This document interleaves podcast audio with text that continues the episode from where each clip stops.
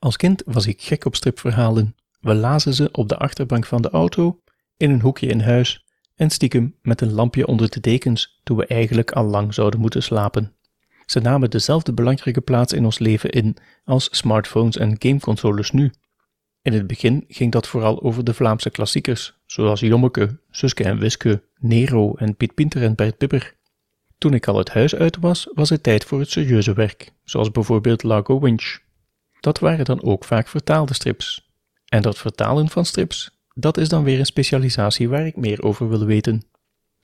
Ik ben Steven Segaert en dit is de Vertaalpodcast. Welkom bij de Vertaalpodcast. Internetradio met tips en informatie voor ondernemende vertalers.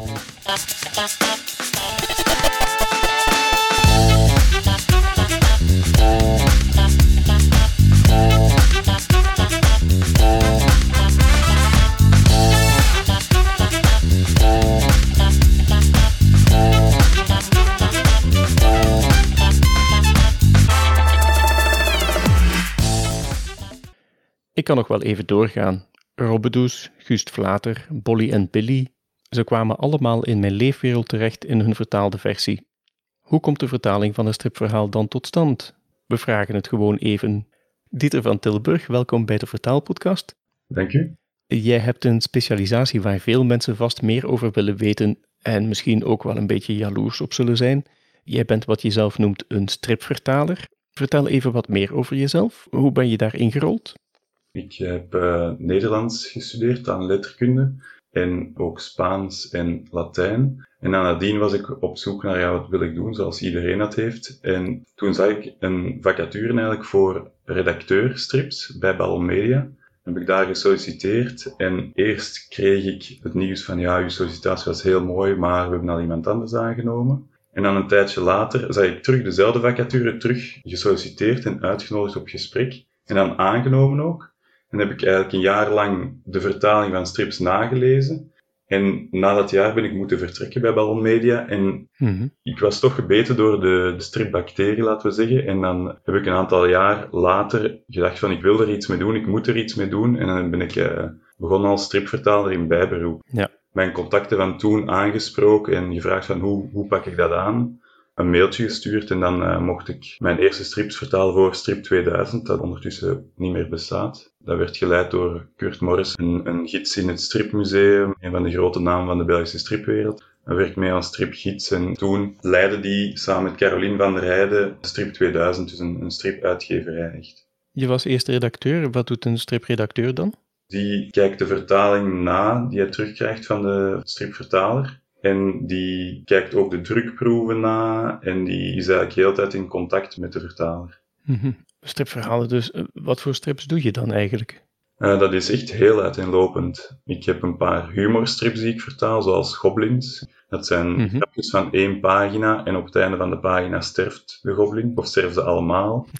ik heb fantasyverhalen, historische verhalen. Er is een hele reeks over Cleopatra, over sterke vrouwen in het verleden. Dat zijn dan Jeanne d'Arc, Cleopatra, zo van die figuren. Daedalus geeft nu ook een, een reeks uit over de Griekse mythen en sagen. Dat is ook heel leuk. Over de Ilias en de Odyssee en al die verhalen. En dat is, ja, ik heb zelf klassiek gestudeerd en dat is wel heel leuk van dat te mogen vertalen. Gaat het dan om hele reeksen? Of nog anders gezegd, heeft zo'n reeks dan ook de hele tijd dezelfde vertaler? Ik heb het geluk dat ik een paar reeksen mag vertalen. Dus die Griekse mythen en sagen, dan in het Frans zijn er al 26 albums verschenen, als ik me niet Mhm. vergis. In het Nederlands zijn er nu vier verschenen of zo, dus die mag ik vertalen. Maar bijvoorbeeld, er is een reeks over dwergen. En daar waren de eerste drie albums vertaald door iemand anders. En dan heb ik dat mogen overnemen. Dus soms wordt er wel gewisseld van vertaal. En in die wereld was er ook een, ja, het is, een, het is eigenlijk een conceptreeks waar je dwergen, elfen, orks en goblins hebt. En elfen is eigenlijk twintig albums lang door iemand anders vertaald en dat mag ik nu ook vertalen. Ja. Meestal wordt er wel geprobeerd van dezelfde vertaler een hele reeks te laten vertalen, maar Ja. soms gaat dat niet of wordt er voor een andere oplossing gekozen. Als je dat moet overnemen of als er iemand anders van jou overneemt, betekent dat dan ook dat je de hele reeks moet lezen om bepaalde vertaalkeuzes te snappen en mee op te nemen? Ja, Of heb je zoiets als een vertaalgeheugen of een tool daarvoor? Nee, nee. Bij strips krijg je als bronbestand gewoon de, de Franse strip. En je moet die vertalen in Word. Dus als je een stripreeks overneemt, moet je eigenlijk in de Nederlandse vertaling gaan kijken hoe is dat vertaald. Dus voor Elfen heb ik echt twintig delen moeten lezen om alle personages, alle plaatsnamen allemaal uh, ja, te weten. En dan voor de lezer mag het niet opvallen dat het een andere vertaler is. Ja, ja, dan heb je al een serieuze collectie. Ja, want je krijgt de Franse versie om te vertalen. En als jij je vertaling hebt gemaakt, krijg je daar ook een exemplaar van. Maar je zegt, je krijgt de Franse versie en dan moet je dat in een Word-bestand terugleveren. Betekent dat ook dat je verder niet betrokken bent bij hoe zo'n strip tot stand komt? Meestal niet, inderdaad. Het is de Nederlandstalige uitgever die de rechten koopt van de Franstalige uitgever. En meestal wordt de vertaling gemaakt als het Franse album al verschenen is.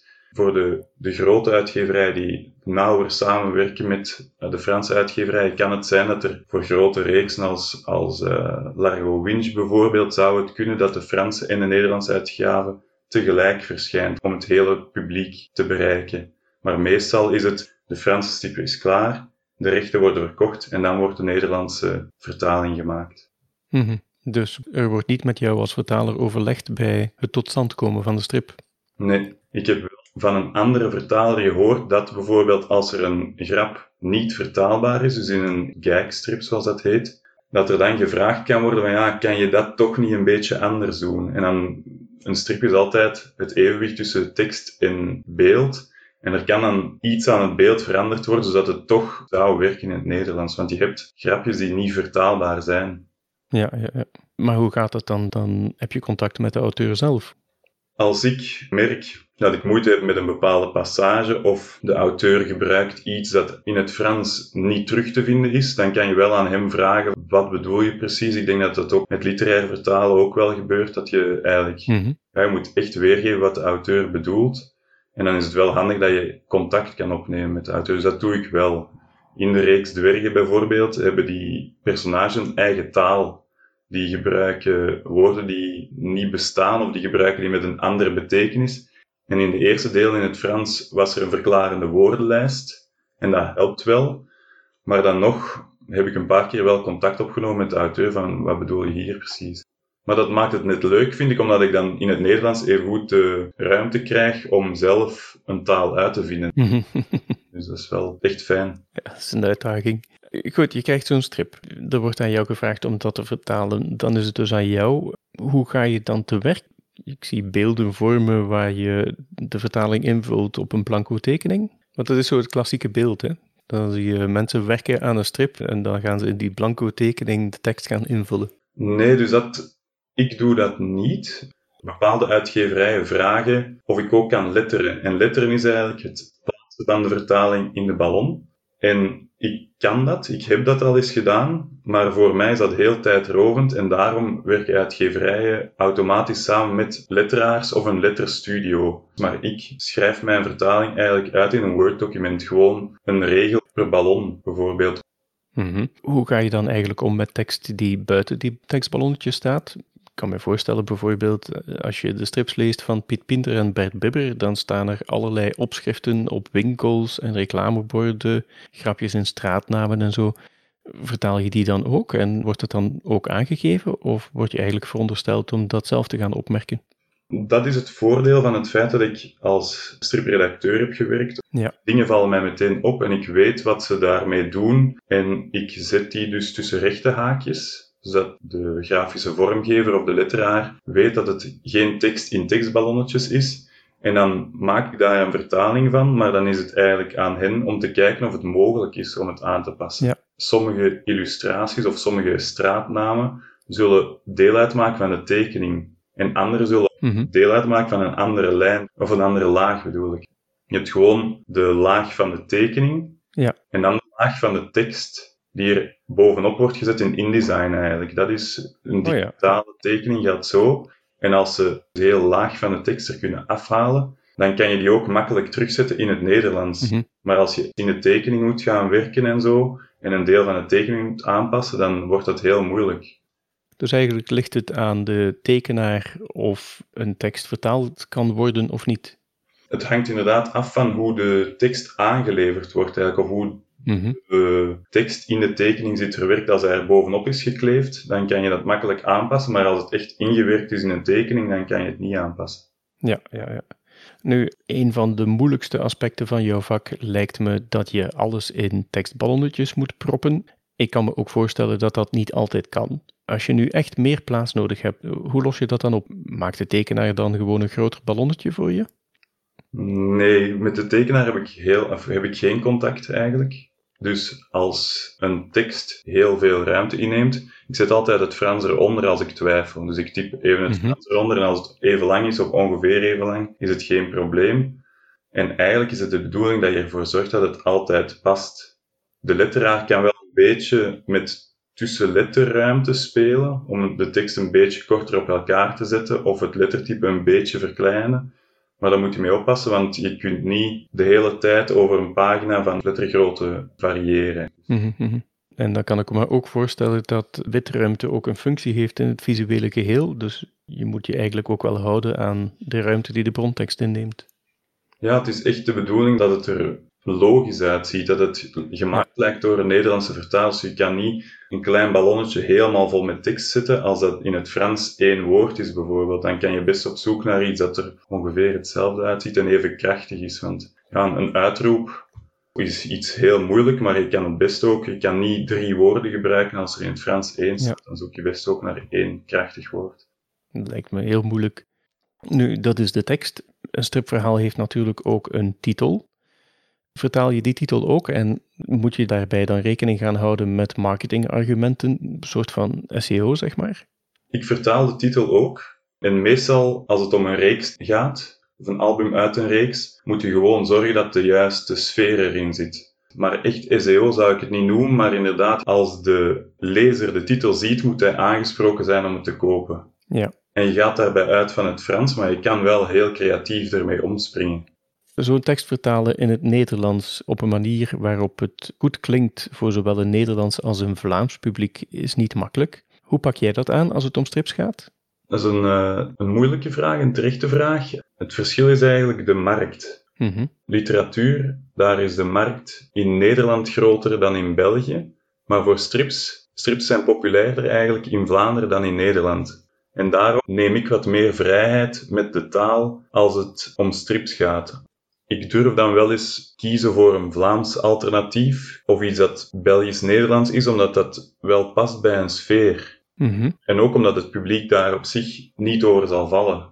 Als je literair vertaalt, moet je echt vaker kiezen voor de Noord-Nederlandse variant. En voor strips is dat iets minder noodzakelijk, maar natuurlijk, ik vertaal geen dialect. Mm-hmm. Ik heb wel in een strip van Bourgeon, dat is een, ook een grote naam in het striplandschap, die had in zijn tekst 19e eeuws Parijs dialect gestoken. Mm-hmm. En dan heb ik in dialoog met de uitgever wel echt gekozen voor Antwerps dialect. Ja. En dat dan ook aan hem gevraagd van, vind je dat een, een goed idee? En dan, hij was daar wel tevreden over en dan vermeldde we dat gewoon in het dossier en dan was het oké. Okay. Je bent wel iets vrijer met strips, heb ik de indruk.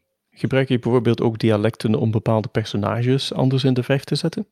In het Frans zijn er soms personages die nog meer klanken laten vallen. En dan durf ik ook wel ja, een platter Nederlands of platter Vlaams eigenlijk te gebruiken. Meer tussentaal. Ja, inderdaad. Omdat dat, je, je hebt de tekening en dan zie je al dat het een onguur personage is, maar als de tekst daar nog wat bij aansluit of er nog een schepje bovenop doet, dat werkt wel. Ja, wat ik me ook afvroeg, jij vertaalt nogal veel vanuit het Frans. Ik heb wel eens stripverhalen gelezen in het Frans, maar die staan bijna altijd bol van woordspelingen. Dat lijkt me echt aardsmoeilijk om te vertalen. Heb je daar dan niet gewoon veel meer tijd voor nodig?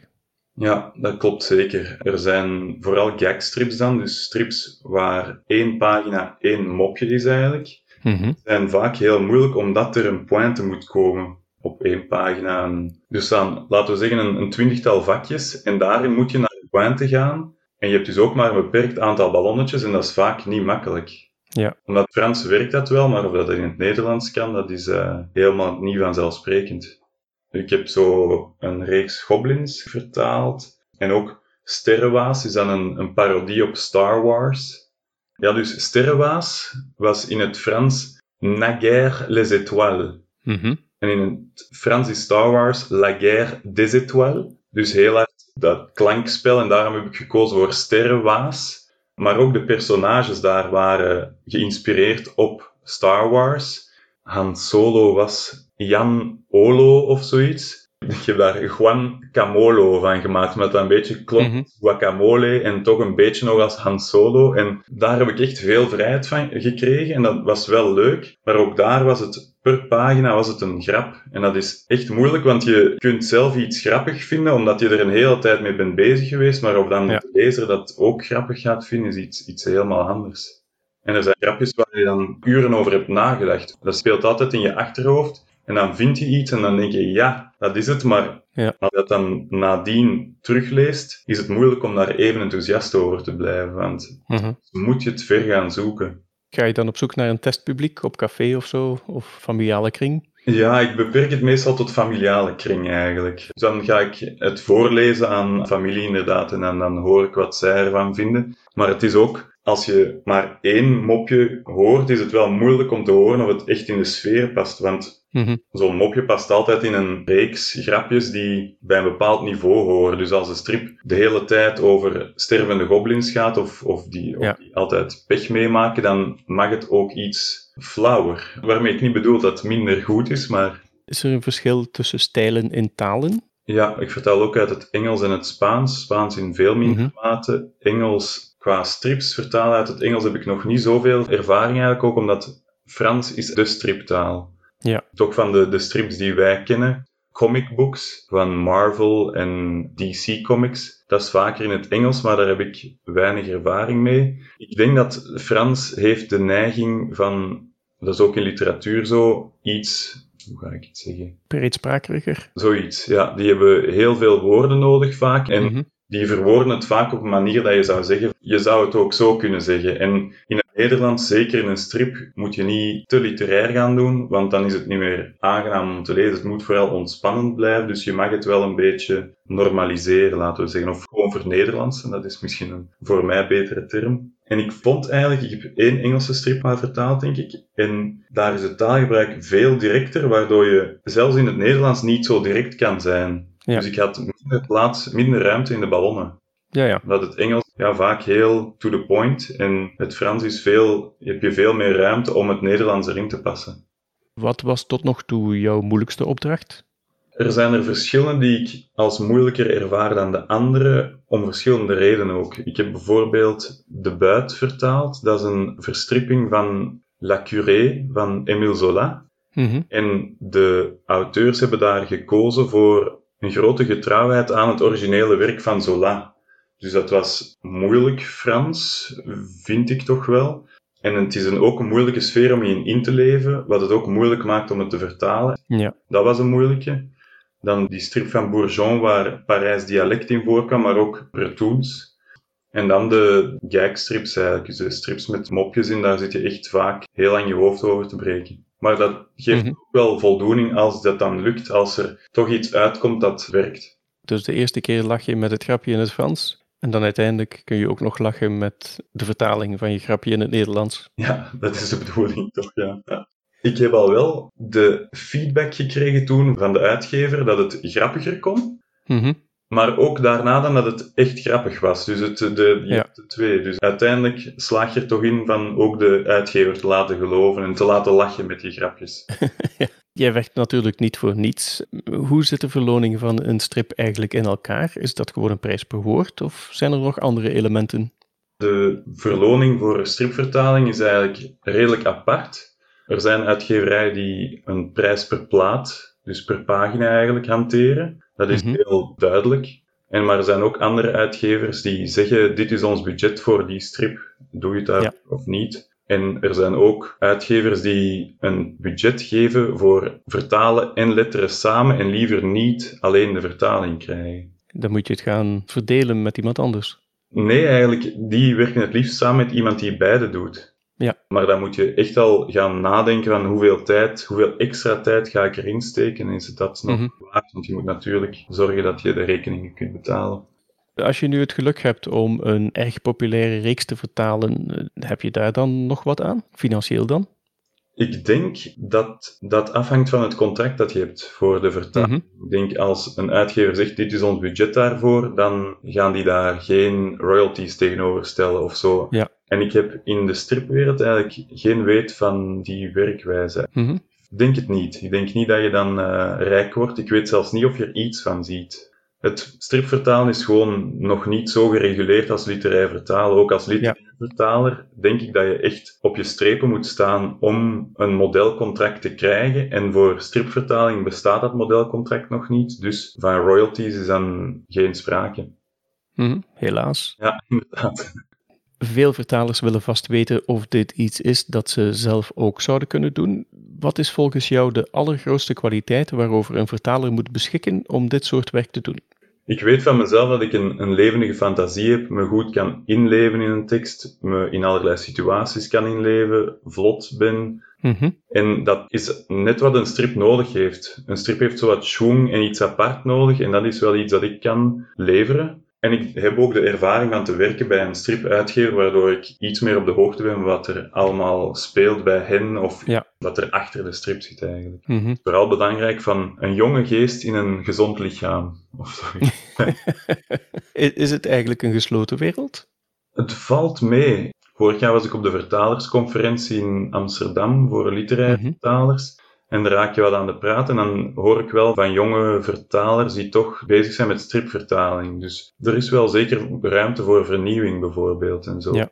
Er zijn heel veel kleine uitgeverijen die werken met jonge vertalers. En die echt op zoek zijn naar een eigen stem. En daar kan je zeker als jonge vertaler terecht. Mhm. Er zijn eigenlijk heel veel strippublicaties. Ik vind altijd dat er verrassend veel strippublicaties zijn en dan vraag ik mij af hoe die altijd een publiek vinden, maar dat lijkt toch nog redelijk te werken. Mhm. Ja, ik krijg er ook weer zin in om meer strips te lezen. Het is al een tijdje geleden. Ja, er wordt altijd gezegd van strips dat dat voor jongeren is en zo, maar eigenlijk is er zo'n aanbod aan strips voor volwassenen dat ik mij dat ik Mhm. het jammer vind dat mensen snel grijpen naar een serie, terwijl een strip kan evengoed een, een hele wereld zijn die je kan binnenstappen, Ja. ook als volwassene. En dat hoeft ook niet zo lang te duren. Je hoeft geen drie uur te besteden. Terwijl boeken lezen is inderdaad heel tijdsintensief, maar Mhm. lezen is pure ontspanning eigenlijk.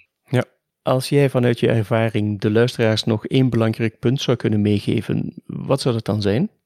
Ik denk dat voor mij die boodschap samenhangt met mijn optimistisch motto in het leven. En dat is, alles is mogelijk. Je moet gewoon de dingen die je ter beschikking hebt ten volle benutten. Dus je netwerk, je kennis, je vaardigheden, maar ook je passies. En daar proberen iets mee te doen. En bij mij was dat nu toevallig strips. Maar bij jou is dat misschien iets helemaal anders. En toch kan je dat bereiken. Net als in de stripwereld, in een strip is ook alles mogelijk. Je moet misschien een eigen wereld creëren, laten we zeggen, maar alles kan. Dankjewel voor dit gesprek, Dieter. Wie zelf een keer wil ervaren hoe moeilijk een stripvertalen wel kan zijn, kan zelf aan de slag met een voorbeeld dat je op de website van de Vertaalpodcast kunt vinden. En die website is zoals steeds www.confer.eu-vertaalpodcast.